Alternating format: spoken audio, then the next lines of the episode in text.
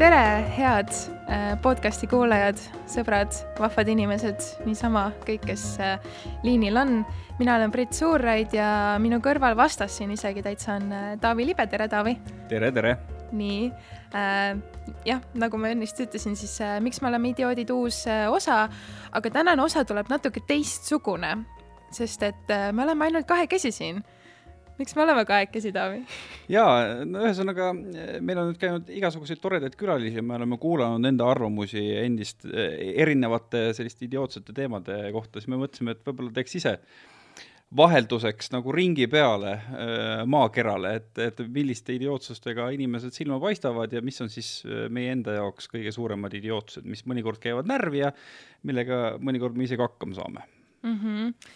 ja selline hea võib-olla sihuke väike vahekokkuvõte või nii siis, et mm -hmm. lihtsalt, et eh, noh, millest ju see podcast'i idee sündis, oligi täpselt see, et meil ju oli omavahel lihtsalt mingi arutelu, me olime mõlemad jumala närvis, et miks inimesed on nii suured idioodid miks keegi käituda ei oska.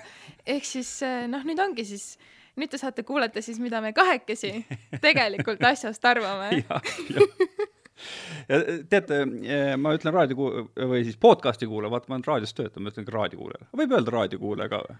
no aga mõnes mõttes podcast on ju nagu moodsa aja raadio, vaata, et kuula, millal tahad, kuula, kus tahad, et sa ei pea otseselt mingil kindlal kellaajal kuskil nagu liinil olema, onju. Mhm, mhm. Eh, ühesõnaga, ma ütlen siis kuulajale ka, et ma jäin hiljaks kümme minutit ja, ja tõesti, väga piinlik. miks ma jäin hiljaks, ma ütlesin, ma räägin podcast'is. see läheb kohe idiootsusega kokku, ühesõnaga ma mõtlesin mm, -hmm. ma käin lõunal mm. -hmm. ja et ma ei lase endale midagi suurt teha, ma võtan, ma võtan pannkooke eh, kohupiima ja moosiga, sest ma, see kohvik, kus ma käin, ma tean, et seal on pannkoogid on valmis, siis lükatakse sinna kohupiim, eh, moos ja sa saad umbes kolme minutiga selle kätte mm. -hmm. siis ma tellisin ära ja siis ma olin oodanud viisteist minutit ja siis juba hakkasin hiljaks jääma ja, ja siis tekib see olukord, et äh, no peaks nagu minema küsima, aga kurat ei julge oota, et sa julged rääkida nagu kõikvõimalike külajotadega, aga neid pannkooke sa ei julge küsida. kas sul ei ole niimoodi või? kusjuures mul juhtub millegipärast tihti seda, et mina olen just see inimene, kes kuskil restoranis või kohvikus nagu ära unustatakse, siis sa kuidagi no, nagu sirutad ja siis nagu vaatad sinna äh, selle teenindaja poole ja tihtipeale teenindaja saab aru ka, aga see teenindaja oli sedapuhku telefonis ja siis ma lõpuks nagu äh, sain oma hirmust äh, võitu ja tõusin püsti ja läksin äh, siis, küsisin teenindaja käest, et millal need pannkoogid tulevad. ja siis teenindaja selle asemel, et öelda mulle, et ta unustas ära kööki öelda, sest see on selge, kui sa viisteist minutit oled juba lasknud mul oodata, siis, siis sa oled ära unustanud, siis ta ütles, et aa, kui ma köögis käisin, siis nad alles tegid, aga ma lähen vaatan Mm -hmm. ja, ja siis äh, ta läks kööki ja siis minuti pärast tuli mu pann kookidega mm. -hmm. ehk siis äh, neid idiootsuselemente oli seal nii palju, et mul kohe tuli naer peale, kui ma tulin siia podcast'i, et esiteks mina olen idioot, et ma ei julgenud minna oma pannkooki küsima. Siis teiseks oli teenindaja idioot, et äh, selle asemel, et öelda ausalt välja, et kuule, sorry, ma unustasin ära, siis ta hakkas mingit vale kohe välja mõtlema. Ja siis olen mina ka jälle idioot, et selle asemel, et lihtsalt kuidagi asi naljaks pöörata, et kuule, mida sa valetad, siis tekib selline, selline valede ring nagu, et ma tean, et tema valetab, tema teab, et ma tean, et ta valetab, onju, mhm. aga siis me jääme nagu viisakaks sellel mingi valede tasandil, et, et inimesed on ikka idioodid, miks nad ei või ausalt öelda, et kurat, ma unustasin ära ja kohe tuleb või midagi sellist tead, ma arvan, et võib-olla ta lihtsalt kartis, et et no et sa sõimad ta näo täis või midagi yeah. või noh, et sa saad kurjaks ta peale, sest et tegelikult vaata, mina olen ju reaalselt töötanud klienditeenindajana ja no kui inimene ikkagi peab oma toitu kauem ootama, kui ta on võib-olla nagu arvestanud, siis inimesed lähevad jumala närvi. Lähevad ka, jah? ja, ja, ja nad lähevad jumala närvi või nad ongi nagu, et mm, miks nii kaua aega läheb ja siis ma olen nagu palun vabandust äh, restoran on puupüsti rahvast täis köögis on umbes kaks inimest, onju, mina sinu töö, nagu toitu valmis ei tee, aga vaata, teenindaja saab nagu jube tihti selle nagu sitarahe nagu enda mhm. peale mm, -hmm. sest sa oled see esi-, sa oled see vahelüli, vaata. sina oled ju see, kes nagu läheb sinna lauda, räägib nende inimestega, et ma lihtsalt mõtlen nagu võib-olla, miks ta ei julgenud sulle öelda seda. ahah, et siukseid inimesi on ikkagi päris palju, jah? no selles sina suhtes... oma kogemust ütled seda, jah? No jaa, no selles suhtes, et vaata, mina, ma ei ole nagu väga kohutavate selliste klientide otsa sattunud, ma olen kuulnud igasuguseid nagu hirmulugusid selles suhtes nagu kaaskolleegide ja nii seast, aga see ongi tegelikult üks asi võib-olla, mis mind ajab närvi, ongi see, et kuidas inimesed ei mõista tegelikult, kui raske on klienditeenindaja päriselt olla ja kui keeruline see töö on, noh, me jõuame selleni hiljem, aga lihtsalt kuidagi inimesed ei saa mingitest täiesti elementaarsetest asjadest aru mm. -hmm. ja siis nad ongi sinu peale kurjad, et miks kõik nii kaua aega võtab, aga nagu noh, kallis inimene, eks ju, et meid on siin nagu kollektiivis, ma ei tea, mingi viis tükki äkki kokku või, ja terve saal on rahvast täis. et noh, lihtsalt kui sa juba tuled siia, ole valmis, et sa pead kaks grammi ootama, aga sul ei ole mõtet nagu minu peale pahane olla, sest mm -hmm. mina ei vastuta selle eest no vot, ühesõnaga, no siis ma saan natukene sellest teenindajast rohkem aru, sellepärast et mina olen tõesti selline äh, Äh, ma ei tea, mul on mingi kiiks täitsa, et, et ma ma esiteks mul on kiik sellepärast, et ma, alati mind unustatakse ära ja teiseks on mul kiik sellepärast, et ma nagu ei tihka küsida. ma olen isegi maksnud toidu eest, mida ma ei ole saanud. aa, päriselt? kus kohas?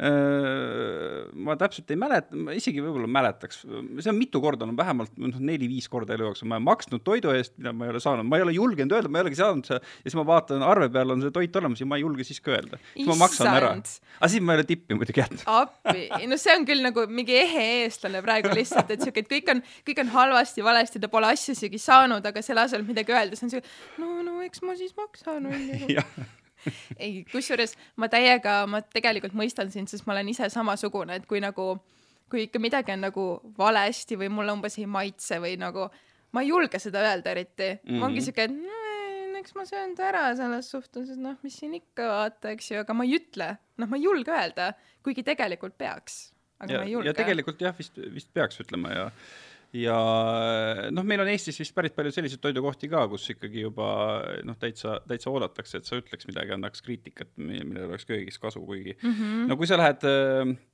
äh, noh, see ei ole nüüd otsene vihje, aga, aga näide a la selline vana Villemi pubi, mida on Eestis, seda frantsiisi on mingi kümme tükki.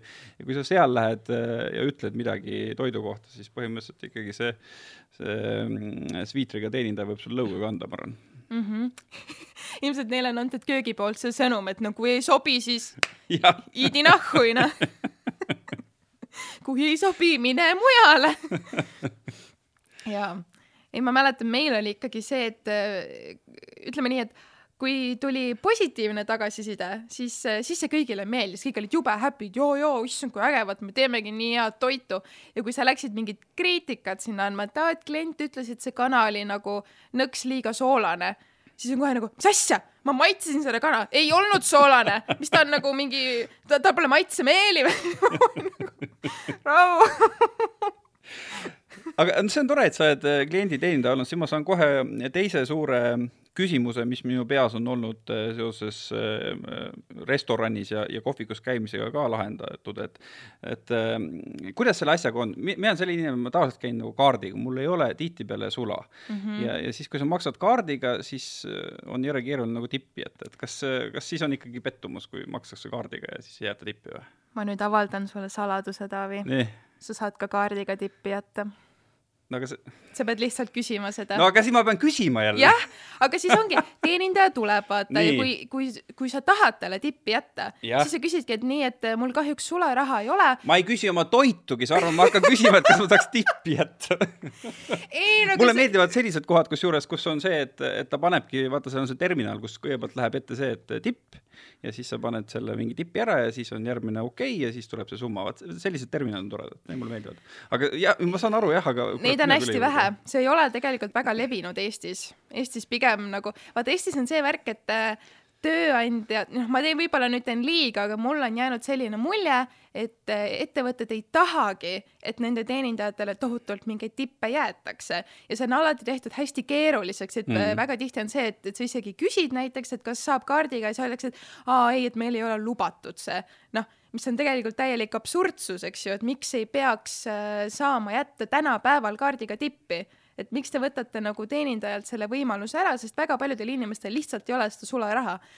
aga vot ongi, et tihti see on ikkagi võimalus, et kui sa tõesti tunned, et sa tahad sellele teenindajale jätta tipi, mis on nagu häda-hädavajalik, ma rõhutan, kui te lähete kuhugi restorani ja teile meeldis teenindus, palun jätke tipi, sest see palk on kriminaalselt väike aga see selleks äh,, siis kindlasti küsi lihtsalt, kui sul ei ole sularaha. ja vastuseks su küsimusele, noh, ütleme nii, et ikka on pettumus, kui sa ei saa, kui sa oled eriti veel nagu pingutanud ka, vaata mm, -hmm. ja see, ja noh, ongi, et sul on nii palju laudasid, vahel on see, et sa isegi ei jõua, vaata, mingit tohutut nagu teenindust kui sellist teha, sa lihtsalt nagu võtad ruttu selle tellimuse, jooksed seda sisse lööma, siis viid ruttu toidud lauda, samal ajal teed vaata kümmet muud asja ja pärast siis nagu vahel, kui siis keegi jättis tippi nii, et sa isegi ei saanud erilist nagu teenindust kui sellist pakkuda, siis see oli nagu megatore. ma olin alati nii rõõmus selle üle, et vau wow,, et noh, et, et nad märkasid seda, kui väga ma nagu pingutasin, kuigi ma ise tundsin nii halvasti ennast, et ma ei jõudnud nendega üldse tegeleda, sest mm -hmm. mul oli lihtsalt nii kiire mm. -hmm. et nüüd inimesed ei arvaks, et ma olen kooner, siis ma ütlen igaks juhuks, et, et alati, kui mul on äh, sularaha, siis ma, siis ma jätan tippi, isegi siis, kui noh, on selline tavaline teenindus, kui ikka, kui ma olen oma toidu kätte saanud, ilma et ma olen pidanud seal võimlema, onju, ja kuidagi tähelepanu äratama, siis ma ikkagi jätan tippi, kui mul on. aga mul tihtipeale ka ei ole, nii et äh, palun vabandust tulevast teenindajat tead, see on, ei, see on okei okay,, sest et ma olen ise tegelikult samasugune, vaata. ma ei kanna sularaha kaasas, mul lihtsalt ei ole seda. mul on alati kaart. ehk siis ongi, et mul on kas tihti see, et kas mu elukaaslane jätab siis nagu tippi meie mõlema eest, sest talle millegipärast hullult meeldib sularaha nagu alati käes hoida mm. -hmm. ja, või siis, kui meil kummalgi ei ole, siis ja me tõesti tahame jätta, siis me küsime selle kaardi kohta. aga noh, vahel on ka vaata neid olukordi, kus sa lihtsalt ei tahagi jätta seda tippi ja siis on hea mugav lihtsalt ära minna, et noh, nii ta läheb mm. -hmm aga noh, selle, selle pika arutelu lõpetuseks, kui me pidime tõesti koostama või me leppisime kokku, et me koostame sellise top viis Äh, mingitest asjadest, mille puhul äh, tundub, et erakordselt äh, nõme on see, et inimesed niimoodi käituvad, siis mina kohe paigutaksin spontaanselt selle, sinna viiendale kohale selle, et et, et inimesed kuidagi omavahel sule, suheldes lepivad kokku äh, et nad äh, viisakalt valetavad selle asemel, et äh, rääkida tõtt sellesama kohviku näite põhjal. see on nüüd, ilma selle näiteta oleks küllaltki keeruline aru saada, aga ma usun, et nüüd äh, saavad nii kuulajad kui sina aru, et, et see on nagu totakas minu meelest. sa mõtled, et nagu noh, nagu laiemalt a la mingites inimsuhetes ja nii või? jah, jah, et kui me hakkame mm -hmm. laiendama seda päris inimsuhete peale, siis noh, et et noh, ikkagi ausus ennekõike võib-olla või?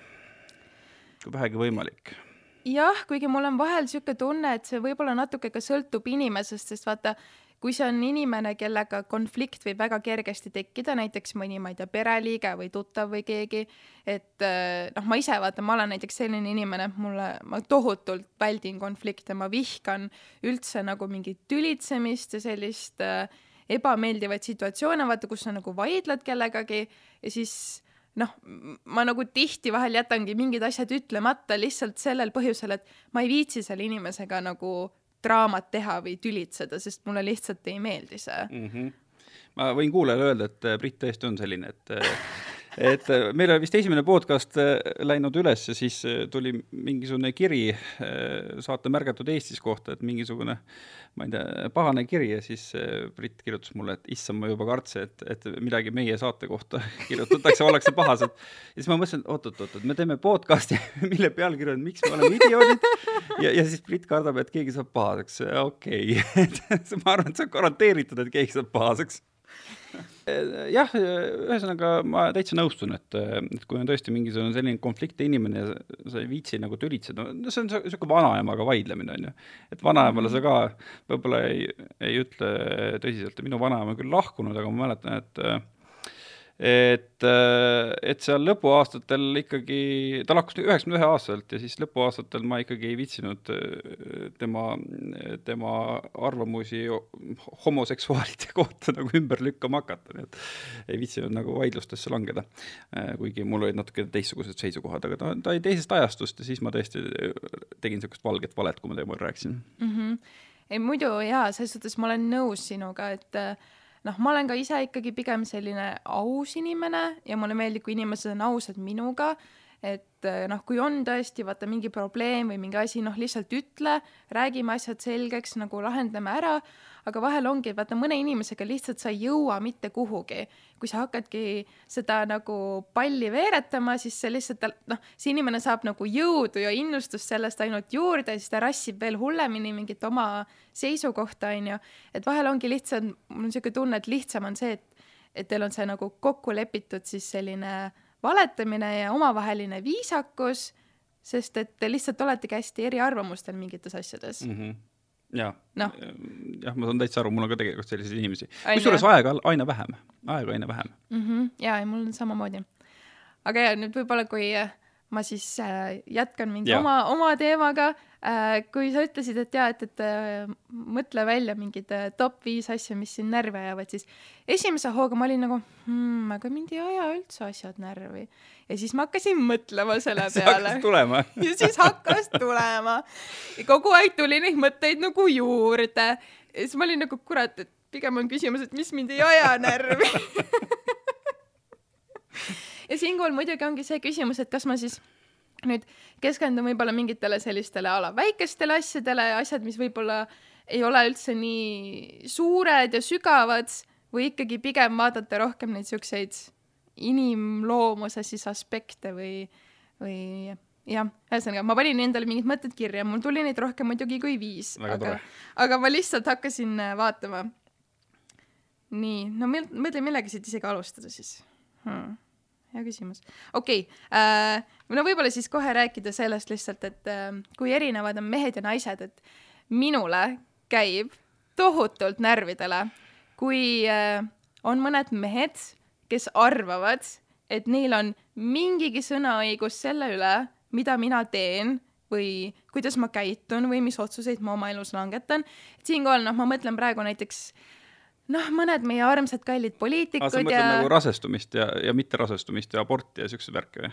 no see, aga üleüldse vaata, et a la, et mõni mees kuskil dikteerib, et a la kui kõrge võib olla minu, ma ei tea, seelik või kui kõrged võivad olla minu kontsad või kui palju meiki on ikka ilus meik, on ju, kas juuksed kinni, juuksed lahti või noh, et, et et kuidagi mõned mehed on hullult tähtsal arvamusel iseendast, et eh, nad istuvad kuskil interneti kommentaariumis, kritiseerivad mingeid naisi, keda nad ei tunne, pole elu sees kohanudki, et umbes, et noh, ma ei tea, Kaja Kallas on mingi suurim lits üldse ja mida iganes, et ähm, kuidagi noh, ma nagu tahaks küsida, kes sa nagu oled oma arust või et miks sa nagu, miks sina mehena arvad, et sul on nagu kuidagi mingi otsustamiskoht selle üle, mida mina naisena teen. ja jah, kõik see rasestumine, abordid, kõik see teema mm -hmm. ka muidugi, see on veel nagu täitsa eraldi teema, et kuidas mingisugune poliitik või keegi äh, ei taha nüüd kohtukutset saada, aga üks väga tuntud äh, inimene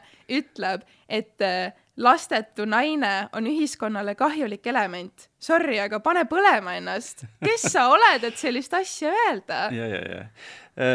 ja ma olen sinuga täiesti nõus, aga, aga ma võib-olla omalt poolt nagu lisaksin, et et, et minu meelest ei ole, need ei ole nagu ainult mehed sugugi ja, ja teinekord hoopiski teravamalt ja vihasemalt äh, kirjutavad sinna kommentaaridesse ütlevad hoopiski naised, et, et mina puutusin sellega eriti teravalt kokku mõned nädalad tagasi, kui Märgatud Eestis saates oli, oli naine, oli lugu ühest äh, üksikemast, kes äh, palus mu abi, et, et me leiaks äh, tema lapse vanavanemad üles, on ju, see on hästi niisugune vastuoluline lugu, on ju, et kuidas ikka minna vanaemale, vanaisale ukse taha ja kõik see teema ja nii edasi ja nii edasi, aga aga siis läks täiesti mölluks nii TV3 kui Märgatud Eestis Facebooki lehe peal ja noh, seal hakkas ka tulema ikkagi sellist sõimu ka meeste poolt, et no mis libu see naine nüüd on, et nüüd hakkab oma last pähe määrima.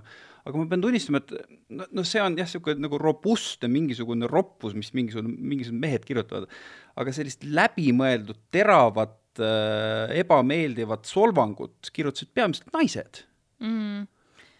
ja, ja tihtipeale on naised nagu õelamad veel nende teemade puhul, naiste vastu, mis on, mis on minu jaoks üllatus, mis sellel hetkel nagu mulle tundus ja tegelikult mul on varem teiste teemade puhul ka tundunud, et naised on ikka õelad no ütleme nii, et ma pean sinuga nõustuma tegelikult ja jah, ei ole ainult nagu mehed need, kes kritiseerivad ja vinguvad, on ka ju täpselt samamoodi, ongi naisi, kes ütlevad täpselt neid samu asju.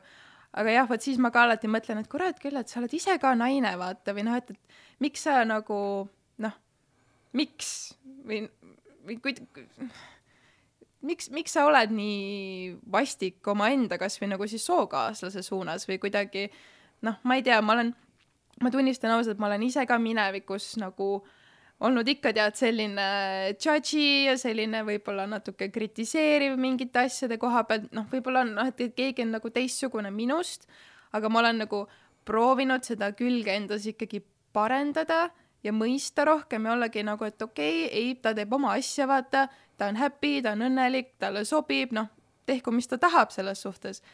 aga jah, kuidagi see tohutu julmus ja kritiseerimine ja üleüldse mingite niisuguste asjade üle vingumine, noh, nii siis mõlemal puhul, nii meeste kui naiste puhul, et noh mm -hmm see on suht nukker tegelikult. jaa, no kui me läheme võib-olla tõesti sellisest teismeeast välja, kus äh, need põhjused on hoopis no, nagu teistsugused, siis ilmselt äh, vanemate inimeste puhul on, on see jah, mingisugune selline kibeduse klomp, mis elu taagaga on sisse tulnud ja siis äh, kibeduse klomp kuidagi avaneb selliste kommentaaride või selliste ütluste näol. ja muidugi minu jaoks on ikkagi kõige, kõige julmem ja kõige äh, kõige tänamatum see, kui äh, teatud poliitilised grupid, ma ei mõtle ainult EKRE-t, ma mõtlen ka teinekord teisi poliitilisi gruppe, noh, kasutavad neid, neid olukordi ära ja siis noh, rõhuvadki sellele kas või sellesama abordi teema puhul, et et ma ütlen ausalt, ma olen Martin Helmega isiklikult kokku puutunud, ta on täiesti normaalne inimene, aga, aga see, et ta kasutab häälte saamiseks äh,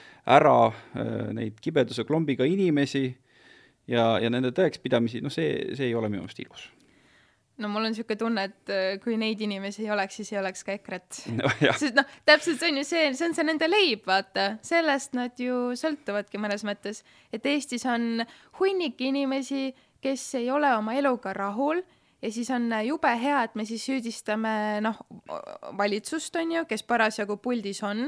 Ja kõik noh, EKRE on ju selles suhtes minu arust täiesti sihuke selgrootu ja ilma põhimõteteta erakond. Neil on täpselt see, et mis on see publiku nagu see, kuidas sa saad jumala eest sellele valitsusele jälle vastanduda, vaata, et aa, nüüd on geid on pahad, eks ju äh,, pagulased on pahad äh,, abort on paha äh,, mustanahalised on pahad, noh, kõik on paha, paha, paha, millele, mis nagu muidu valitsuse silmis on hea aga sul on vaja vaata kuidagi klikkida nende inimestega, kes on nüüd kibestunud ja need mm. Äh, oma elus pettunud ja siis on jube hea võtta need äh, siuksed vähemusgrupid, et saab jälle neid nagu peedistada, saab selle sitaraha sinna saata ilusti, onju. -hmm et mul on küll siuke tunne, et nad äh, valivad täpselt, mis, millega nad parasjagu siis nõustuvad. ja no ma võib-olla päris nii karm ei oleks selles mõttes, et ma kujutan ette, et ükskõik, kes on opositsioonis, see on ikkagi opositsioonipoliitikute ülesanne valitsust ja nende otsuseid maha teha ja eks nagu imelikke asju on kõik teinud, kes on opositsioonis olnud, ka Reformierakond sel ajal, kui ta oli, aga aga, aga võib-olla sellist noh, niivõrd läbinähtavat sellist erinevate teemade testimist, nagu on teinud see EKRE, seda tõesti teiste erakondade puhul nagu ei tule meelde, vähemalt mitte sellises koguses. nüüd läks väga poliitiliseks kõik kurat, jah, ikka jõuame sinna poliitikani välja okei okay,, uus teema, uus teema, palun, sinu kord äh,. Ma, ma mõtlesin päris palju selle peale ja, ja äh, no nüüd on võib-olla minu isiklik teema natukene rohkem, aga, aga mulle isiklikult võib-olla käib närvidele see mingisugune Äh, üle võlli roheline mõtteviis mm. -hmm. ja ma mõtlen selle all seda tõesti, et, et noh, et kui, kui saadetakse kas või korteriühistu listi vihaseid kirju, äh, kui sa oled prügi viinud välja paberkotiga või midagi sellist, ühesõnaga jah, kõik oleme rohelised, kõik on väga tore, on ju, aga noh, et selle pealt, et kui, kui nagu viimase mingisuguse paberkotini äh, Äh, minnakse selle teemaga välja, vaat see on nagu minu jaoks liiga, see on minu meelest äh, natukene kuidagi no sellist tavalist inimest, keda kõige rohkem tulekski nende roheliste teemadega veenda, et, et äh, kuidagi hakkaks asjad õigele poole liikuma, tavalise inimese pigem nagu see hirmutab ära või, või nagu lükkab eemale, et no mis, miks ma pean niisuguse jamaga tegelema, on ju. ja kokkuvõttes on selline vastupidine, vastupidine efekt, ma nimetan neid inimesi rohenatsideks rohenatsid käivad mul närvi, jah. Ähm, jaa, ütleme jah, et, et võib-olla tead, noh, mul on niisugune tunne, et see tavainimene, noh, tavainimese tasandil sa saad nagu you can only do so much, et noh, ongi, et äh, sa võid proovida, eks ju, ma ei tea, autoga vähem sõita, sa võid äh, proovida mitte kasutada kilekotte, vaid kasutadagi, ma ei tea, paberist ja riidest kotte, kuigi minu arust juba mingi hetk umbes tuli välja, et aa, et tegelikult need paberkotid ei ole isegi tohutult palju keskkonnasõbralikumad, sest mm. need samamoodi lagunevad mingi mega kaua. ja noh, sa võid selle paberist kõrrega juua, kui sa tahad, aga ma ei tea, mul on selline tunne, et suures perspektiivis, et asi ei ole minus, kui ma joon plastikkõrrega, vaid asi on suurkorporatsioonides, kes äh, tohutult meie planeeti ju koormavad tegelikult mm. -hmm. asi, asi on, äh, asi on nendes miljardärides, kes äh, sõidavad oma eralennukiga kolm korda päevas. asi on, asi on kuskil mujal tegelikult. et mina saan üsna vähe ära teha. ja jah, äh, pigem ongi jah, võib-olla see, et, et kui sellist tavainimese tegevuste häbimärgistamist siin tuleb liiga palju, siis on nagu nõme, et kui tõesti ongi selline neljaliikmeline perekond, äh, kelle, kelle vanemad teevad kõvasti tööd, et korra saaks käia, ma ei tea, Egiptuses kuurortis puhkamas kaks nädalat ja, ja selle käigus nagu lennatakse sinna ja kui siis pärast räägitakse, et oi, see lendamine on nii tohutult paha ja selle peale, et sa teinud kõvasti halba maakerale, siis see ei ole nagu ilus, et et äh, nojah, et noh, sellised kampaaniad, et kui see Mart Normet käib oma kotide topsidega mööda Eestit ringi ja kõigile, kes vastu tuleb, kallab neid topse jala peale, et noh, see on nagu teine asi, aga, aga just see, see mingi, mingile väikesele inimesele suunatud selline häbi, häbimärgistav äh, rohepropaganda, see on see, mis mind ajab närvi mm. -hmm ma, ma tunnen ka, et noh, et, et selles suhtes, et suunata inimesi olema rohkem nagu keskkonnateadlikumad ja planeedisõbralikumad on väga tore noh, see on ülitervitatav, et tõesti, eks ju, noh, sorteerid prügi, kasutadki neid riideskotte, sõidad vähem autoga, võib-olla tead, ei pane kogu aeg tulesid põlema, kui sul tegelikult neid vaja ei ole, keerad veekraani kinni, kui sa hambaid pesed, noh, mingid siuksed väiksed asjad. aga jah, noh, ma ei tea, ma ei kujuta ette, et äh, teed ühe vale liigutuse ja siis saad kohe nagu selle märgi külge, et noh, sinu pärast meie planeet põleb vot selline teema, võta, võta järgmine mm. -hmm okei okay., no korra, sa juba võib-olla teoorias käisid läbi siis, aga oh, väga raske on olla planeedipäästja, kui sa lihtsalt jälestad ühistransporti aa, okei okay.. ma, ma, ma jälestan ühistransporti, Taavi, ma päriselt, ma, see on nagu minu kolmeteistkümnes põhjus, lihtsalt ma ei suuda. ma, ma olen, vaata, kuna mul ei ole lube ja mul ei ole autot, siis ma olen sunnitud ühistransporti kasutama iga päev noh, võib-olla ma kasutaksin seda vähem, kui minu töökoht oleks kesklinnas näiteks, on ju mm -hmm.. noh, siis ma võiksin praktiliselt jala kõndida igale poole. aga kuna minu töökoht on Lasnamäel, siis paratamatult ma olen sunnitud siia sõitma bussiga. ja praegu ka, kuna ma elan hetkel veel linnast väljas, siis ma pean sõitma iga hommik ja mõned õhtud ka sellise maakonnaliini bussiga ja vaata, need maakonnaliini bussid on selles suhtes hästi toredad, et nad teavad, et neil on praktiliselt monopol, et nad on ainsad, kes seda marsruuti sõidavad ja nad ei pea seal mingeid tohutuid muudatusi tegema, sest nad teavad, et inimestel ei ole muud alternatiivi. ja see buss lihtsalt, noh, see buss sõidab sihuke a la tunnis üks kord, maksimaalselt võib-olla kaks tipptunnil, äkki tuleb kolm sõitu. ja iga jumala kord, vahet pole, mis kell ma selle bussiga sõidan, on see kell seitse hommikul, on see kell seitse õhtul või on see kell kuradi üheksa hommikul, vahet pole, see on iga kord puu püsti rahvast täis. ja siis ma nagu mõtlen, et kurat, et te ju teate, te ju teate, et teil inimesed sõidavad siin, miks mitte teha neid lisaväljumisi või või ma ei tea, mis see lahendus nagu võiks olla, et ma ei pea iga kord seal bussis olema nagu kuradi kilukarbis lihtsalt ja siis äh, see bussidega veel linnas on tihti see, et küll nad jäävad, eks ju, hiljaks, siis äh, seal on alatihti ka mingisugused, eks ju, asotsiaalid, kes siis haisevad seal või ma ei tea, kusevad pingid täis. siis ma lihtsalt olen seal ja ma mõtlen, et aa, ma tahan ära surra nagu, palun, miks on Tallinna ühistransport nii katastroofilises seisus? Kas keegi palun selgitaks seda mulle? Äh, noh, mul üks teooria on, sa räägid maakonnaliinist, see on ju ka tasuta ühistransport. ei ole. ei ole mm? -mm, Tallinnas ei ole. mina maksan ikka raha selle eest. võib-olla mujal Eestis vist on, aga see vähemalt, kus mina sõidan, ei ole tasuta. see ei ole siis tasuta magnoliin, jah? okei okay,, see on kummaline.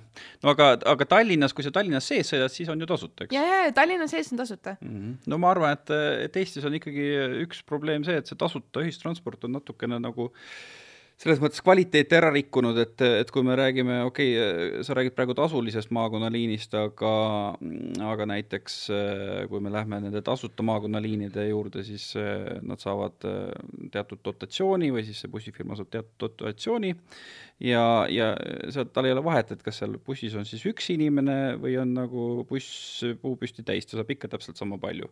kui äh, sellest piletitulust ka tema jaoks midagi sõltuks, siis esiteks tal oleks motivatsioon äh, veel rohkem meelitada inimesi sinna bussi teha kõik selle nimel, et bussisõit oleks mugavam ja teiseks äh,, kui äh,, kui ta näeb, et oi, buss on nii puupüsti täis, siis ta äkki paneks teise liini ka juurde.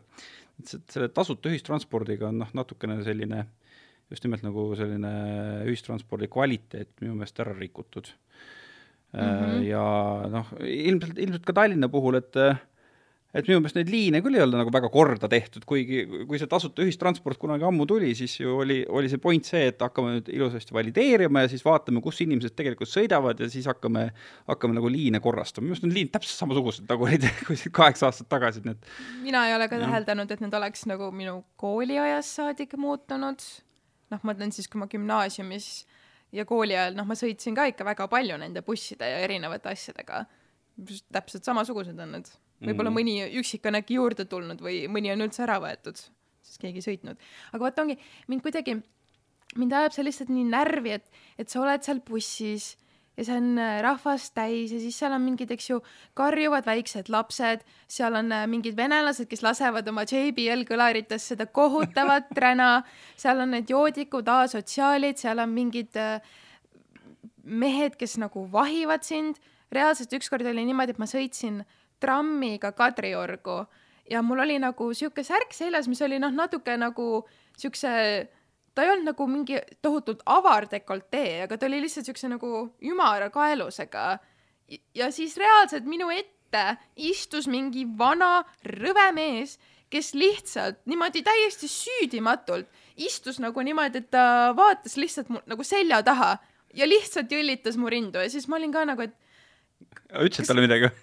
Ei, ma ei julgenud midagi öelda, sest ma kartsin, et hakkab mölisema minuga. Okay., siis ma lihtsalt tõusin püsti, läksin minema, aga noh, miks ma pean siukseid asju taluma? nii vastik. Mm -hmm.. noh, konkreetselt, siis ma nagu, mul oli jumala rõve pärast veel olla ka, siis ma lihtsalt võdisesin, tulin sealt trammi pealt maha nagu appi. Jaa, noh, eks üks asi on tõesti minu, minu arvates see, et, et kui see on tasuta, siis ei ole võimalik nagu kvaliteeti tõsta ka, onju ja samas noh, et kui see oleks nagu tasuline, siis nagu need kõige pomsimad pomsid võib-olla nagu nad ei sõidaks, onju. kuigi. ma ei no. tea, mul on samas siuke tunne, et neil on vist suht savi.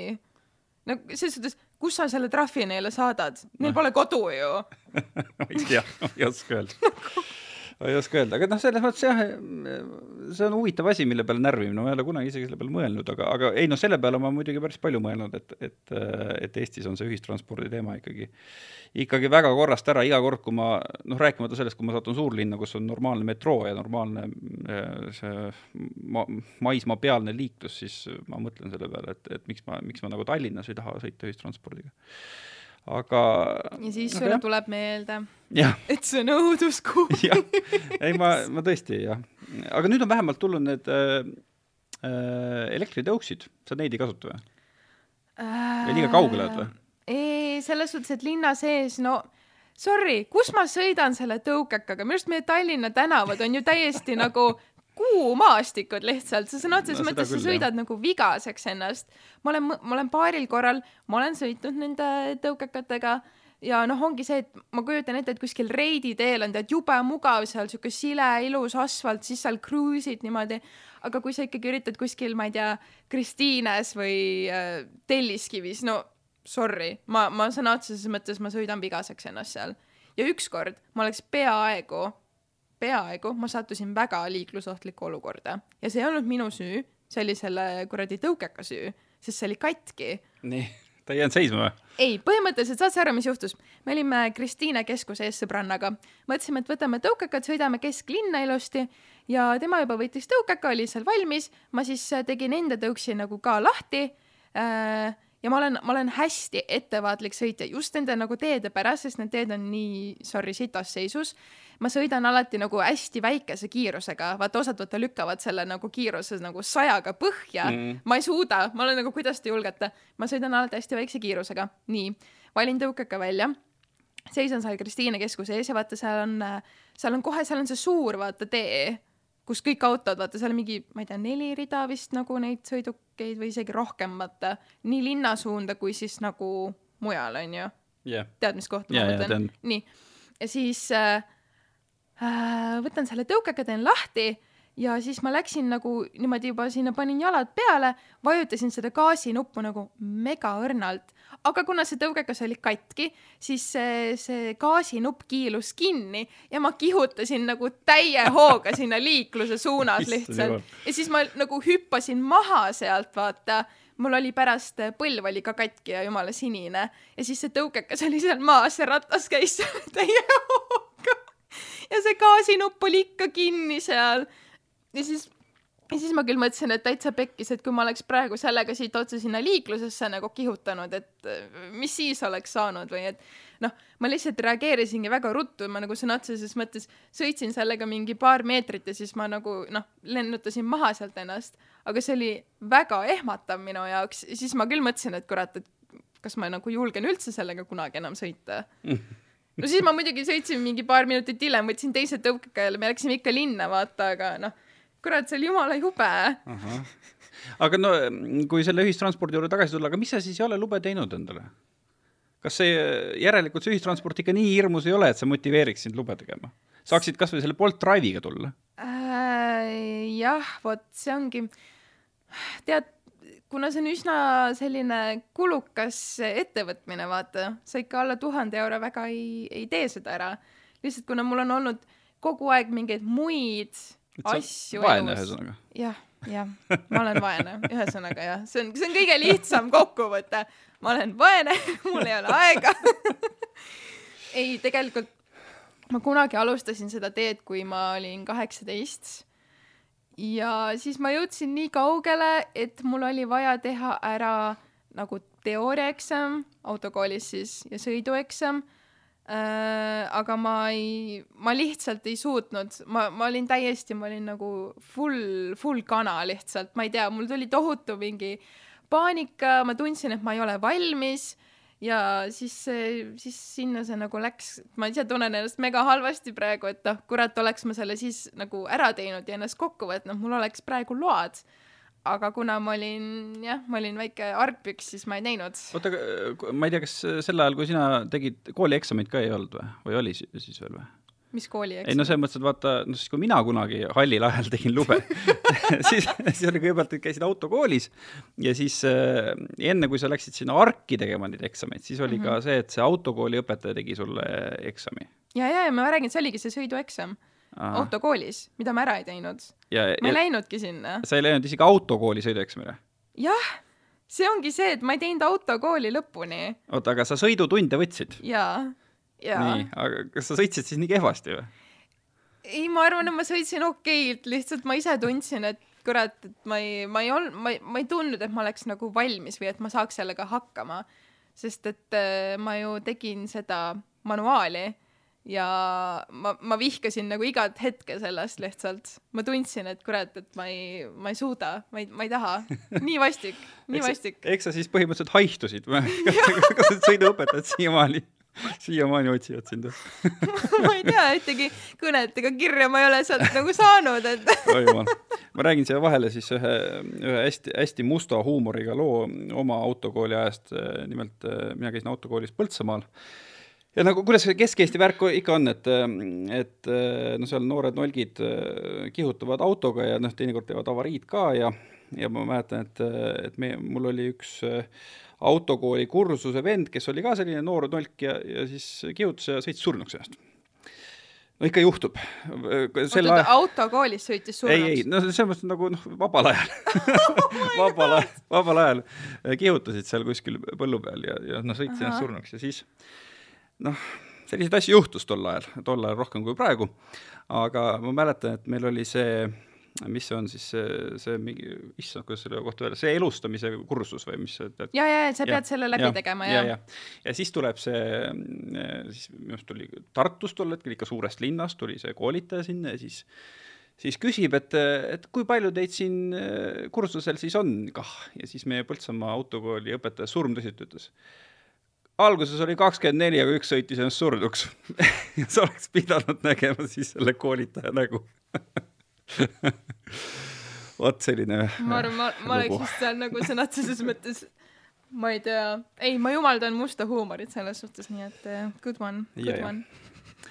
nii, aga läheme edasi. jaa, sinu kord. okei okay,, sa tõid sellise hästi elulise, ma toon ka ühe hästi elulise, mind ajab tohutult närvi see nii minu enda pere puhul kui ka kõigi teiste inimeste puhul, kes võtavad külmkapist piima või juustu või midagi sellist või võid ja siis äh, teevad võileiva ära või, või panevad piima kohvi peale ja siis ei pane neid asju külmkappi tagasi.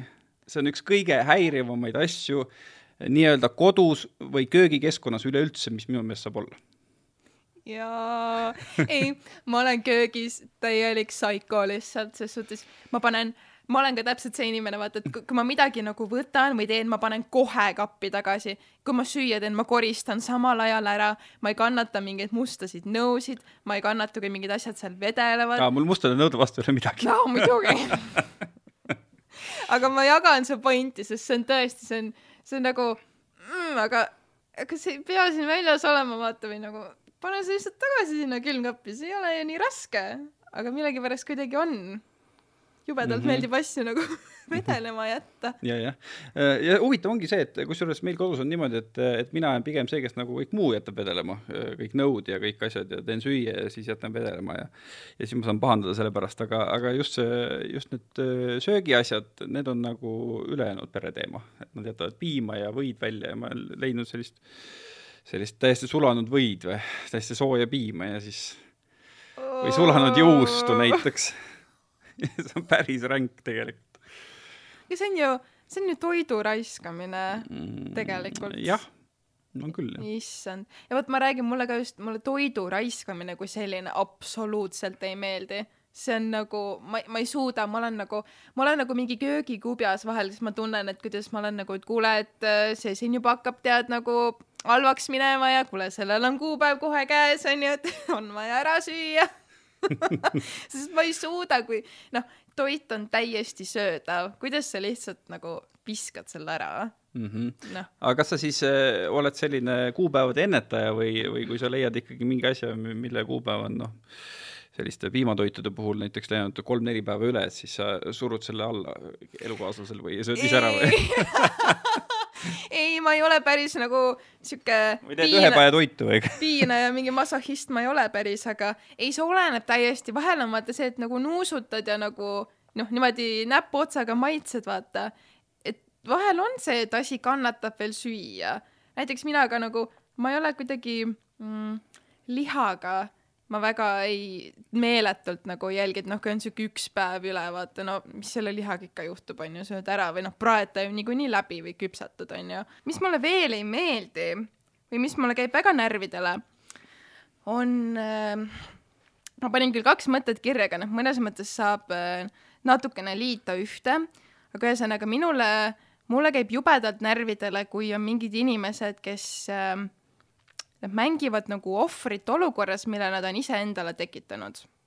ma kohe nüüd selgitan, mida see tähendab.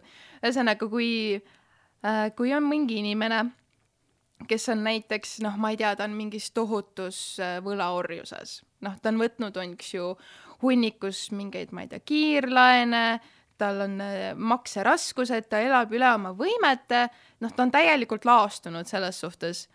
Ja siis äh,, mis siis see tema nagu elulugu on, et ta on siis umbes, kas ta on, ma ei tea, töötu või ta teenib, ma ei tea, miinimumpalka ähm,.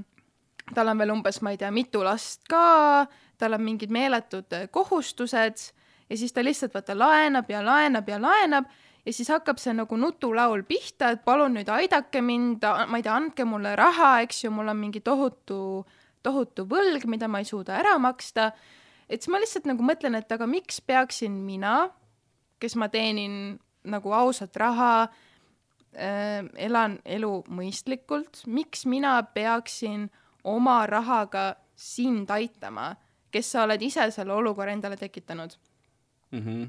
noh, et, et inimesed äh, on nagu jube sellised äh, noh, nad ütleme nii, et nad elavad täiesti noh, ma ei tea, kuidas see nagu õige sõna on, aga neil puudub igasugune selline vastutustunne või et ma lihtsalt teen mingeid asju kogu aeg ja aa, oih, et äh, nüüd tuleb välja, et mu elu on jube sitt, et nüüd palun aidake mind.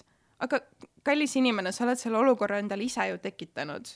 et sa oled ise siia punkti jõudnud mitte keegi teine, keegi sundinud sind, keegi käskinud sul neid kiirlaene võtta või noh, võib-olla nüüd, okei okay,, nüüd see teine näide võib-olla, võib-olla nüüd keegi ütleb, et ma olen liiga karm ja ma olen liiga ekstreemne, aga see on lihtsalt minu isiklik arvamus, et äh, noh, kui on jälle telekas mingi tore lugu mingist perekonnast, kes elab kuskil karu, karupepu augus on ju, täiesti mingis X äh, lobutikus maakohas, noh, see on mingi maja, kus a la noh, ei ole praktiliselt elamisväärsed nagu tingimused, noh, see maja, ma ei tea, laguneb, seal, ma ei tea, pole vett, elektrit, sooja vett, mida iganes.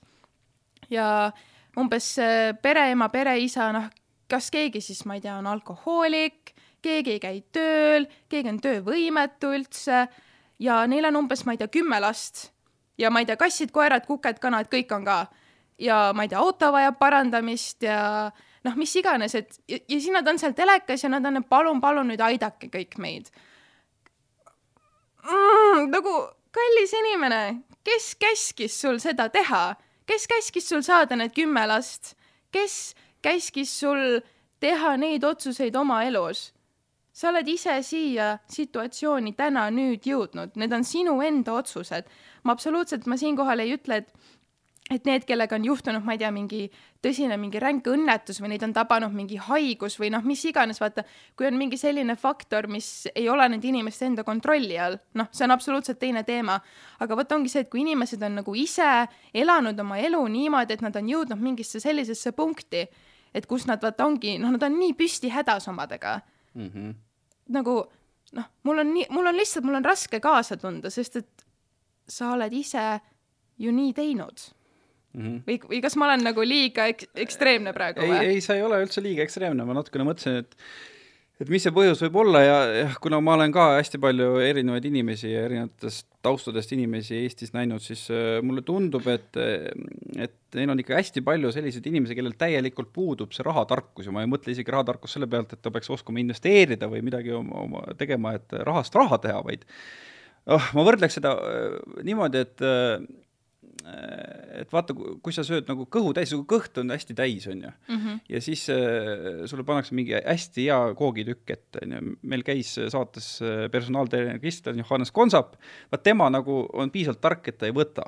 aga noh, tavaline inimene pigem ta võtab selle hea koogi ja sööb selle ka, kuigi tal on kõht täis mm. -hmm. ja meil on hästi palju Eestis inimesi, kes äh, kuidagi äh, rahaga seonduvaid asju äh, võtavad nagu samamoodi, et, et äh, neil ei ole seda piiri, et äh, nad juba on võlgades, aga siis noh, aga noh, meil on suur pere ja meil on ikka natuke suuremat autot vaja.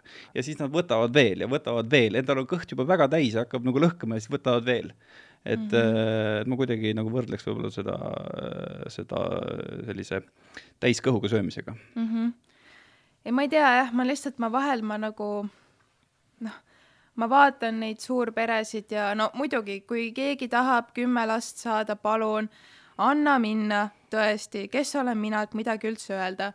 aga kas ei võiks olla nagu elementaarne, et siis sa ka suudad neid lapsi üleval pidada või et sa suudad pakkuda neile elamisväärseid tingimusi, mitte et su lapsed külmetavad kuskil nagu konkus, on ju, nad ei saa, nad, nad ei saa praktiliselt mitte kuskil nagu käiagi, neil pole puhtaid riideid et noh, siis ma lihtsalt, ma ei saa, ma ei saa sellest aru, et miks sa teed nii, miks, miks sa saad need kümme last, kui sa ei suuda neid majanduslikult üleval pidada mm. -hmm.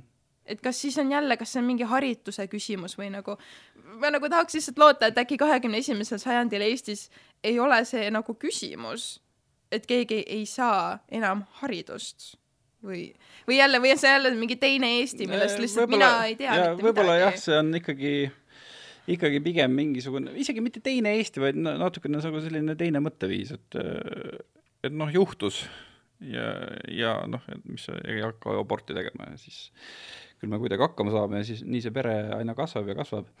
jaa, ma olen täitsa nõus sinuga, aga aga vaata teisest küljest, kui sa tõid just kõik need telesaated mängu ja igasugused nagu avalikud abistamised, siis siis minu, minule käivad närvi ka sellised asjad, et kui äh, meil on endal ka saates märgatud Eestis olnud selliseid lugusid, et äh, et kui on inimesed, kes otseselt ei ole ohtlikud iseendale või kellelegi teisele, aga nad elavad äh, mingites tingimustes, mis äh, noh, ütleme siis, et esimese Eesti jaoks on nagu vastuvõetamatud, on ju ja siis äh, teki-, tuleb mingi tohutu laviin, et me peame seda inimest nagu aitama, see inimene tuleb sealt nagu välja tuua ja kõik sotsiaalametnikud on hästi halvad, kuigi ta ise on nagu väga rahul mm. -hmm. et selline ülereageerimine on see, mis mind ajab nagu närvi, et noh, see on selline äh, tervitused Katrin Lustile, selline Kuu-uurija koopamehe äh, loo fenomen, et seal kuskil Põltsamaa kandis elas äh, metsas mingi pime koopamees, kellel oli ilusti kellukesed pandud, et ta teadis, kus ta võib minna ja, ja kõik oli nagu väga hästi ja siis sattus Katrin Lust sinna, oli hästi palju kisa, kõik pidid käima vabandamas, sikutati see koopamees sealt välja ja nüüd ta on, noh, elab kuskil äh, äh, koikus ja ilmselt tunneb ennast tunduvalt halvemini, on ju, et äh, et, et üks asi on ka see, et, et kuidagi äh, kuidagi tuleks võib-olla rohkem üritada nagu samastuda mingisuguste inimestega, kes ei ela samasugustes tingimustes, kus, kui meie ja mitte vaadata neile ülevalt alla olukordades, kus nad ise nagu abi ei, ei vaja. et sellisest mõistmisest jääb kohati puudu, see ajab mind närvi. mm,. et sa mõtledki nagu selline ülereageerimine Jah., et äh, lähme nüüd ruttu appi, jah, aga jah. see inimene ise tegelikult abi üldsegi ei palu. jah, ei palu ja no, no see ongi see, et noh, kui on oht, et ta kohe, kohe täna põletab oma maja maha, see on mingisugune muu asi, aga kui lihtsalt on nagu inimesel on nagu korrast ära kodu või on natukene nagu vanem see kodu või ma ei tea, kemps on õues, noh siis noh, mis sellest siis on, on ju, et aga siis ei pea nagu lolliks minema selle peale kohe. No jah, põhimõtteliselt ju küll, selles suhtes, et noh, kui, eks ma saan aru, võib-olla vahel on ka see oht, et vaata, inimene ongi, et ta ei saa ise aru mm -hmm. võib-olla, mis situatsioonis ta päris nagu on, et ta võib-olla ei oskagi vaata seda abi nagu paluda ja küsida selles suhtes, et ma ei ole ise seda lugu nagu näinud, ma olen kuulnud küll sellest, ma tean küll, mis lugu sa mõtled, aga mm -hmm. ma ei ole sinna tohutult süvenenud et noh, võib-olla siin on ka täpselt tuleb mängu see inimeste see tohutu see headus ja see sihuke ikkagi soov ju äh, aidata neid äh, nõrgemaid ja kes ise ei saa, eks ju, hakkama. jah, mis on tõesti kõik väga tore, aga noh, jah, ma kujutan ette, et kui, kui see inimene nüüd täna on õnnetum, kui ta seal koopas oli, siis mis selle nagu mõte isegi oli? mm.. Noh, praegu, kui, kui on see sõjaaeg, siis äh, on üldse nagu seda heategevust meie ümber nii palju ja ja noh, aasta lõpus on kõik need heategevussaated ja mulle nagu tundub, et et, et tihtipeale on see, see see heategevus on paljude inimeste jaoks nagu selline noh, nagu, nagu see masturbatsioon on ju. et, et sa nagu teed selle ära ja siis sul endal on nagu see hea tunne on ju, et sa oled nagu selle ära teinud, sa saad selle rahulduse kätte on ju aga, aga võib-olla mõnikord isegi liiga vähe mõeldakse selle peale, et, et mis see lõpptulemus on, et kas selle, kuhu see heategus täpselt jõuab, on ju, ja kas selle teise poole elu läheb sellest paremaks või midagi sellist, et, et sellised heategijad on ka need, kelle puhul mul nagu natuke, ma kratsin kukalt, et äkki siis, äkki siis saas selle hea enesetunde või või mingi, mingi pattude lunastuse kuskilt mujalt kätte, et selle asemel, et äh, niimoodi head teha ja siis kokkuvõttes nagu mingitel teistsugustel põhjustel teha. et kui sa pead head tegema selleks, et sul endal on nagu hea tunne, siis on minu arust nagu midagi valesti. siis ei olegi heategevus enam jah jah,? jah, see on ju sõna otseses mõttes lihtsalt mingi iseenda, ma ei tea, upitamine siis või siukses heas valguses näitamine, et see on siuke natuke nagu a la performative activism siis või? et sa justkui oled hullult ähm, aktiivne ja teed hästi palju head ja oled selline jube, jube suure ja sooja südamega inimene, aga samal ajal tegelikult noh, midagi reaalsuses eriti ei muutu. Või siis kõik need, kes a la filmivad seda, kuidas nad käivad, ma ei tea, kodututele mingeid asju andmas, eks ju, et aa, et ma annetasin sellele kodutule mehele viis eurot, vaadake, kui õnnelik ta nüüd on, et noh, miks vaata, miks on vaja, et lihtsalt anna see viis eurot ja ära tee mingit videot sellest et see näeb, noh, see, see ei tundu nagu heategevus, vaid see tundub sõna otseses mõttes see, et ma nüüd tahtsin korraks äh, content'i, eks ju, luua, tahtsin teha mingi toreda video, kus kõik näevad, et näe, mul on äh, raha ja ma annetan seda, aga noh, tegelikult ma arvan, see kodutu on väga häiritud sellisest tegevusest mm. -hmm. ja ta pigem eelistaks, et sa ei anna seda viite eurot talle, sest siis sa ei tee oma lollakat videot tõsi, just nii on mm. -hmm. nii, oota, nüüd on minu kord või? äh,. oota, jah, vist küll. jaa, eks me tegelikult varsti peame niikuinii siin need äh, jutu otsa kokku tõmbama, aga nii lõbus on, vaata või no okei okay., ei, ma ei taha, ma ei taha ühest asjast rääkida, siis kõik arvavad, et ma olen väga kohutav ja kuri inimene no, veel ei arva õnneks. äh,. jah, give it time, give it time. okei üks asi või noh, siis äh, koht veits, mis äh,, kus mulle väga meeldib käia, aga kus äh, inimesed käituvad vahel nii, et ma lihtsalt lähen püha viha täis. ma ei, nüüd ei tea, kui palju sa saad minuga samastuda, aga ma ei tea, ma ei tea, Taavi, kui tihti sa käid jõusaalis? Äh, mul on periooditi, praegu ma käin kus- kusjuures veel tihemini. kui tihti? kaks kuni neli korda nädalas. noh, väga tubli ju jah, ühesõnaga, mina käin, noh, olen käinud regulaarselt, eks ju, neli korda nädalas äh, jõusaalis. Ja see tähendab seda, et ma olen seal ikkagi noh, ütleme nii, et sa näed seal väga-väga erinevaid inimesi. Ja minu arust juba see üks, see esimene asi, enne kui sa üldse sinna saali jõuad, kuidas äh, põhimõtteliselt, kuidas ma juba närvi lähen, on see, et äh, kui vaata, sul on äh, tühi nagu riietusruum, onju, ja siis sa paned oma asjad kuhugi kappi ära ilusti ja sa tuled tagasi, endiselt kõik kapid on tühjad, aga mingi mongol on otsustanud oma asjad täpselt sinu kõrvale kappi panna. ja siis ma lähen lihtsalt, ma, ma nagu, sorry, neil inimestel ei tohiks õigusi olla. vabandust, te olete idioodid, päriselt ka, et, et sul on terve riietusruum, lihtsalt nagu see üks vahemik kasvõi, kõik kapid on tühjad ja sa näed vajadust tulla minu kõrvale nagu päriselt või? Siis ma nagu mõtlen, et kas see inimene ei ole eestlane või ta ei, ei tea, mis asi on nagu personal space, sest vaata, kui sa lähed, siis sul on ju ikka mingi suur kott on ju, mingi räätik ja riided, tossud, trallala, nagu sul on ruumi vaja seal. sa ei taha, et keegi nagu tuleb sinu kõrvale sinna kohe niimoodi, kapid on hästi väiksed ka mm. vaata, mina väldin seda, mulle ka äh, ei meeldi see üldse, mina väldin seda sellega, et, et äh, ühesõnaga ma käin nüüd sellises jõusaalis, kus ei ole seda administraatorit ja seda värki, onju, Aa, et sa saad mhm. seda kaardiga sisse ja siis ma tõesti, kuna mul on, on jõusaal on kodust äh, kakskümmend minutit sörki, siis ma lähen nagu, ma lähen, panen nagu dressid selga, sörgin sinna, siis ma panen, võtan nagu äh, pika dressi ära panen selle, siis ma lähen teen oma asjad ära, siis panen trikadressi peale ja lähen pesen kodus. Mm. et et sa ei kasuta üldse kappi nagu ei, või? ma noh, selles mõttes ma panen kappi onju, aga ma panen sinna peale, et mul ei ole vaja, mul, ma ei pane sinna noh, saad, saad seitset muud asja mm. -hmm. et sellist, sellist väga privaatset ruumi või suurt ala mul ei lähe vaja, aga, aga põhimõtteliselt ma saan aru, mida sa mõtled, jah. nagu päriselt siuksed inimesed, kui te kuulate, siis palun ärge tehke seda. palun lihtsalt äh, hankige endale kapp nagu kasvõi jätke siis üks vahele, jätke kaks vahele, minge teise kuradi saali otsa, aga palun ära tule mu kõrvale mm. -hmm. nagu palun lihtsalt anna see ruum mulle. aga nii, me liigume kappidest edasi ja siis me lähme saali ja siis seal on need mehed need mehed, kes jälle arvavad, et nad on nagu need saali kuningad lihtsalt, nad käivad seal, nad on kõik tead nagu oma testosterooni nii täis pumbatud ja siis nad kõnnivad seal uhkelt niimoodi rind kummis ja siis nad on nagu oo oh jaa, onju, et ähm, siis sa tulid nagu mingi rauda tõstma siia või, mis sa oled, mingi kuradi lible onju, et vaata palju ma ikka nagu bench ida jõuan või siis ma olen nagu no sa kuidagi lihtsalt tunned, et nad nagu vaatavad sind veits üleoleva pilguga või need, mis see mimm nüüd siia jõusaali tegema aga tuli. oled sa kindel, oled sa sellest kindel, et sa seda ette ei kujuta? Ma ei tea, ma olen kuidagi tunnetanud nagu mõnel korral seda, et nad kuidagi, nad ikka, noh, nad vaatavad, vaata, mida mm -hmm. sa Mhm. teed, noh, ma tunnen okay. ju, kui mees nagu no seda küll jah, ei no muidugi, no kui ilus naine on, siis ikka jõlitada. okei, vaatad, no vähemalt pilt käib nagu üle, onju. aga, aga võib-olla, oled sa mõelnud selle peale, et võib-olla sa mõtled selle konteksti nagu juurde, et võib-olla lihtsalt öö, mees vaatab, no ilus tüdruk tuli, ma vaatan, mis ta teeb, ta-ta-ta, onju. ei, võib-olla, aga kuidagi, ei, aga osad on reaalselt siuksed ikkagi ülbed ka, sest nad jätavad kogu oma pahna sinna vedelema. vaata, nad tulevad saali nii, et neil on mingi suur kott kaasas yeah., siis neil on kõik need joogitopsikesed, mingid pulbrikesed, siis nad on, neil on need äh, vööd, kõik asjad ja nad sõna otseses mõttes nad lihtsalt nagu Nad on nagu all over the place, sest nad, nad teevad niimoodi, et nad teevad umbes kaks korda teevad harjutust, siis nad kõnnivad seal saalis niimoodi kümme minutit ringi, siis nad scroll ivad telefonis viis minutit, siis nad teevad uuesti kaks harjutust ja siis nad lähevad uuele auringile seal.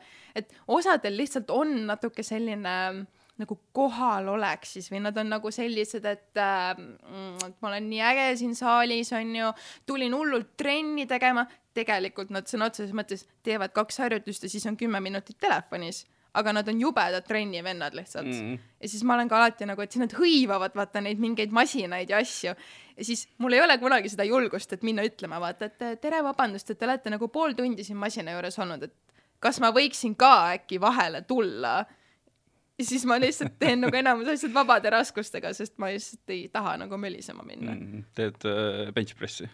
ei, ei tee, sest et äh, ma ei, ei, mulle ei meeldi see harjutus. seda teevad need mehed ja ma ei taha seal olla. aga ma teen kükke ja mm, kui sinna kükipuuri lähevadki siis need mehed ja siis hakkavadki seal tegema seda nagu bench pressi, vaata. et nad võtavad selle kükipuuri kangi ja siis hakkavad seal sellega nagu vehkima. Ja siis ma olen seal nagu hoian kahe käega peas kinni, et kallis inimene, miks sa kükipuuris seda teed, palun, sul on kümme muud kohta, kus seda teha, miks sul on vaja siin olla, kus mina, ma ei saa nagu siin, eks ju, igal pool lihtsalt lambist hakata nagu squat ima, onju aga sa võid, näed, siin on pink ja siin on pink, onju, palun mine vehi seal oma kangiga siis, aga mm. miks sa pead siia tulema? ja siis, ja siis nad alati vaata veavad selle tooli ka sinna ja siis nad jätavad selle tooli sinna ja siis ma alati lähen sinna siis äh, demonstratiivselt pööritan seal silmi ja siis vean selle tooli sealt minema lihtsalt, aga no, no nii, no nii raske on ju iseenda järel asju ära panna, ometigi. no või veel midagi? oh,, see on siuke teema, kus ma võiks vinguda väga-väga pikalt, tõesti väga-väga pikalt, sest et äh, mulle lihtsalt ei meeldi. Ja siis ja muidugi no need olukorrad, kui seal on nagu siga palju rahvast onju mm, -hmm. kui vaata näiteks on mingi riigipüha või mingi siuke vaba päev onju, no nagu see on nagu tõesti see, et kogu maa ja ilm jookseb sinna jõusaali siis kokku lihtsalt, sest mul on tunne, mingi kontingent inimesi käib jõusaalis ainult siis, kui ongi mingi vaba päev lihtsalt. noh, muidu ei jõua elu sees sinna, aga kui on vaba päev, siis nad on seal ja siis nad on kõik jubedad tervisesportlased, kõik kardiomasinad on hõivatud, iga viimnegi selle jõusaali sentimeeter on lihtsalt äh, rahvast täis ja siis sa oled seal ja mõtled, et issand jumal, ma tapan ära ennast nagu täitsa lõpp. No jaa, paljuski, paljuski sinuga nõustun ja, ja kui sa juba nagu spordi juurde jõudsid, siis ma mõtlesin, ma võtan ka siis ühe, ühe sellise sporditeema mm. -hmm. et äh, tead, mis mulle ilgelt käib närvidele, mulle ilgelt käib närvidele äh, sellise asja nagu äh, maratoni äh, idealiseerimine ja siis äh, mara-, maratoni äh, valesti mõistmine. et maraton on see, kui inimene jookseb nelikümmend kaks kilomeetrit ja sada üheksakümmend viis meetrit. Ja siis hakkab mingi ports inimesi meil äh, meil treenima maratoniks. Ja siis, kui ta on nagu vähegi kuulus, on võib-olla kunagi teinud raadios saadet või on kirjutanud ühe raamatu või äh, apikene on mänginud ühes filmis, siis kollane meedia teeb selle maratoni treenimiseks aja jooksul temast seitse lugu ja siis lõpuks ta teeb selle maratoni läbi ja siis äh, ta jookseb selle viie tunniga. siis kui sa viis tundi läbid maratoni, siis sa ei jookse, siis sa liigud tempoga, et äh, mõned inimesed jalutavad ka kiiremini. et see, see ei ole nagu mitte midagi, sa põhimõtteliselt võid minna ja jalutada nelikümmend kaks kilomeetrit kohe praegu et selline maratoni idealiseerimine on see, mis mind ilgelt ajab närvi nii Eesti meedia poolt kui paljude nagu selliste sportlaste poolt ja teiseks on see, kui hakatakse nimetama maratoniks mingisuguseid asju, mis ei ole maraton. näiteks äh, Türil sel kevadel hakatakse tegema sellist asja, et, et inimene läheb, jookseb vist mingi kümme kilomeetrit ja siis viis ja siis kümme ja siis lõpuks on nelikümmend kaks kilomeetrit kokku, kui ta umbes kümnel üritusel käib. siis pannakse pealkirjaks Türi maraton, see ei ole maraton! See on lihtsalt inimene käib ja jookseb kümme kilomeetrit ja viis kilomeetrit, see ei ole maraton, kui ta kümne, kümne võistluse saab nelikümmend kaks kilomeetrit kokku. Et, et selline, selline asi ja siis on, kõik on ilgelt uhked ka, et saavad mingi medali, kui ta on viie tunniga läbinud maratoni ja siis lähevad Ringvaatesse. ja siis Marko Reikop küsib, et issand, kuidas sa nii tubli oled, see ei ole mingi probleem maraton läbi teha, minge jookske, ma ei tea, kaheksasada meetrit kahe minuti ja kümne sekundiga, vot siis oled kõvad sportlased, noh.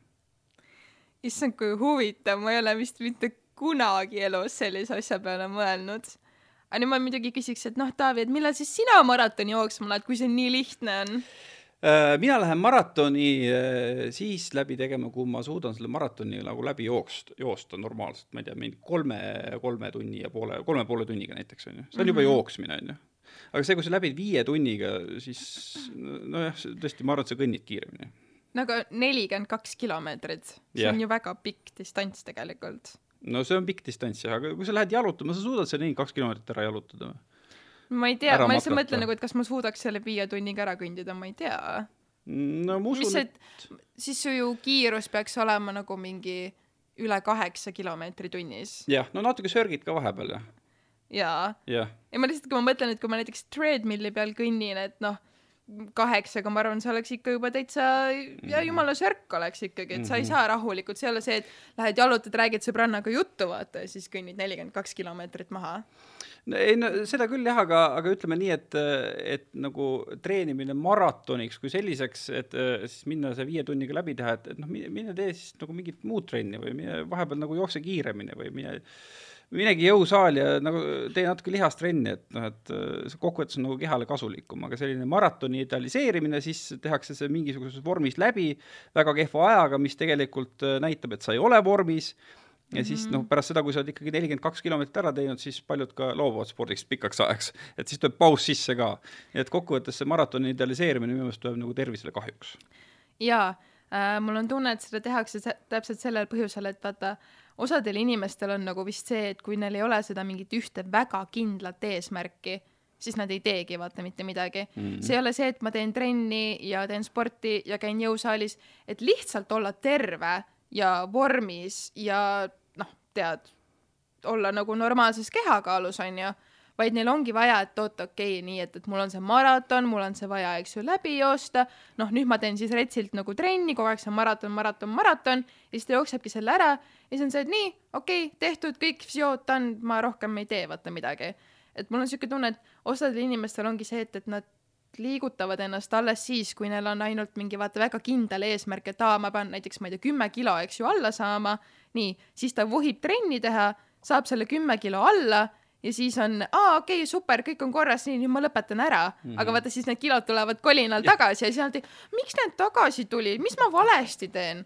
et noh, see on nagu, see on elustiil, see ei ole see, et sa lihtsalt ühe korra vaata teedki selle sprindi, selle maratoni teed ära ja siis on kõik, vaid mm -hmm. noh, see ongi see, et sa pead kogu aeg midagi tegema yeah.. no eh, me võime üldse nagu eh, pikemalt või mina võiks pikemalt rääkida rahvaspordiüritustest ka, et mulle tegelikult meeldib aeg-ajalt käia seal, kui ma olen normaalses vormis. ja noh, suudan nagu liikuda natukene kiiremini kui, kui eelpool mainitud tempo, aga aga veel üks asi, mis mulle ilgelt närvi läheb, on see, et et kas sa oled kunagi käinud mingil rahvajooksul või mingisugusel asjal üldse või? Äh, ma arvan, et ei ole, sest Aha. et ma lihtsalt jälestan jooksmist. okei okay., vaat seal on sellised asjad nagu need osalejamedalid ja need medalid, nad lähevad Aa, kogu aeg suuremaks ja põhimõtteliselt nagu praegu on niimoodi, et kui sa lähed mingisugusele tavalisele rahvajooksule, siis saad mingi medali, mille läbimõõt on viisteist sentimeetrit. arust medal võiks olla ikkagi sellel, kes, kes on kuskil ees ma ei tea, esimese või teise kolmanda koha, okei okay,, no on mingi tuhat jooksjat, võib-olla siis kümme tükki saab medali. aga see, et kõik matsid saavad medali, on ju, mis mõte sellel asjal on? ja tead, mis see kaasa toob? see toob kaasa selle, et need osalustasud lähevad nii kuradi kõrgeks. et sa pead välja maksma mingisugune kakskümmend viis eurot et äh, saaks nagu normaalselt äh, teistega enda, ennast võrrelda, et sa saaks äh, normaalse ajavõtu, et sa saaks seal juua ja siis saad mingi suure lätaka medali, jäta see medal ära, kuradi, küsi kümme euri vähem tead, mul on tunne, et vaata see medal on täpselt nagu see, vaata nagu väikestel lastel on see participation badge põhimõtteliselt Nojah. või need, näe, sa osalesid, palun, siin on sulle medal, siin on sulle täheke, aitäh, et sa osalesid, sa ei saanud küll ühtegi auhinnalist kohta, aga sa osalesid. see on ilmselt natuke seesama vaata mentaliteet, lihtsalt täiskasvanute versioon, et näe, sa osalesid siin maratonil, siin oli kümme tuhat matši olid sinust kiiremad, aga Jah. sa osalesid, väga tubli, aitäh sulle aga jaa, vot ja siis ongi see, et vaata, sa maksad selle tohutu selle osalemissumma, saad selle, eks ju siis selle hiiglasliku medali mm -hmm. Mhm. ja siis sa saad selle kinkekoti, kus on sõna otseses mõttes nagu mingid äh, nende näidiste suuruses mingisugune hunnik pudi-padi lihtsalt. aga noh, lõpetuseks siis ma ütlen, et mind ajab see ka närvi, et, et, et mai jooks on selline, kus mehed ei saa osa võtta. sa kujutad ette, et aastal kaks tuhat kakskümmend kaks keegi korraldaks äh, Eestis rahvaspordiürituse, kus öeldakse, et, et ainult mehed võivad osaleda, naised ei või. sa kujutad ette, mis äh, feministid hakkaks tegema? ja samas on meil väga pika traditsiooniga selline üritus, kus võivad ainult naised osaleda. huvitav, miks see nii on? No kas sellel on mingi põhjus nagu no mingil, mingil ajal varem oli vist ikkagi niimoodi, et, et äh, nagu tuua, tuua noori naisi nagu spordi juurde siis, kui see, see noh, jõusaali ja üldse nagu fitnessi plahvatus veel ei ole olnud, aga, aga noh, aastal kaks tuhat kakskümmend kaks minu meelest on see ikkagi väga kummaline. vot jah, vot ma ei ole nagu, ma olen mõelnud küll sellele, et huvitav, et miks see nagu niimoodi vaata korraldatud on, aga ma ei teagi, mul ei tule ka nagu kohe mingid väga head mõtted pähe või et samas noh, vaata ma ei, ma ei tea, et oleks ühtegi sellist üritust, kus naistel pole nagu lubatud osaleda või, või on meil mingi selline nagu, nagu ei tule pähe vist praegu, jah? ja ma mõtlen, et noh, et, et äh, meil on ju igasuguseid kuradi maratone ja liikumis- ja rahvaspordiüritusi nagu nii, et tapab, onju. aga kas meil on mõni selline, kus on nagu ainult meestel lubatud osaleda? mm,. vist ei ole, jah. Ja siis ma nagu mõtlengi, et huvitav, et miks, miks meil on siis üritus, kus on ainult nais- või no võib-olla ongi see, et, et see on kuidagi- ajale jalgu jäänud lihtsalt, ma arvan. see on, see on mingi äh, aga see see mingi eelmise näiteks, sajandi lõpu mentaliteet, mul on selline tunne. aga see või olla näiteks see, et, et kuidagi naistel on omavahel see selline mingi, tekib siis see mingi solidaarsus ja sa lihtsalt saadki seal tead mingi sõbrannaga koos, eks ju, jalutada, ma ei tea, juttu rääkida, seal on ainult naised nagu ma ei tea, girl power ja female empowerment ja mm, mm. ma ei ma ei tea, tea, ma üritan mõelda.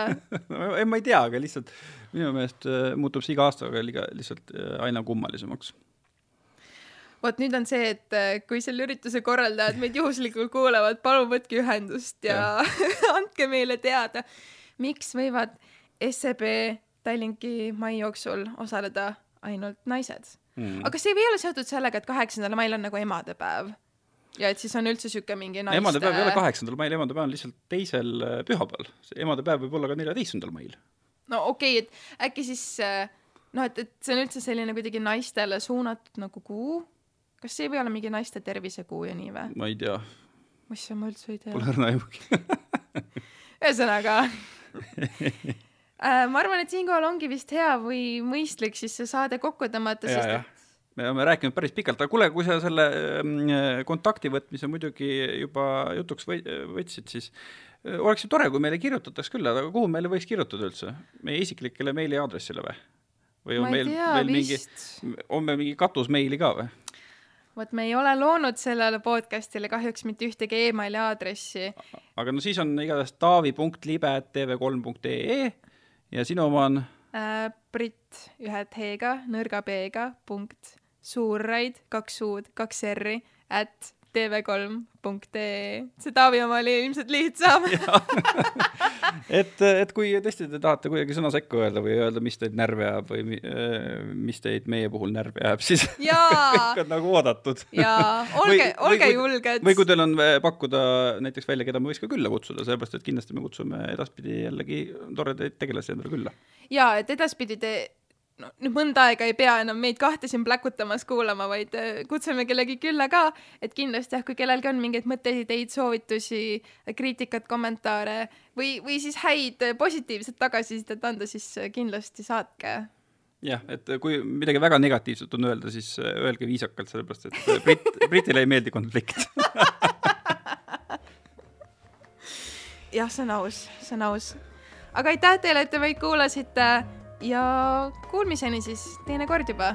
aitäh, nägemist. tšau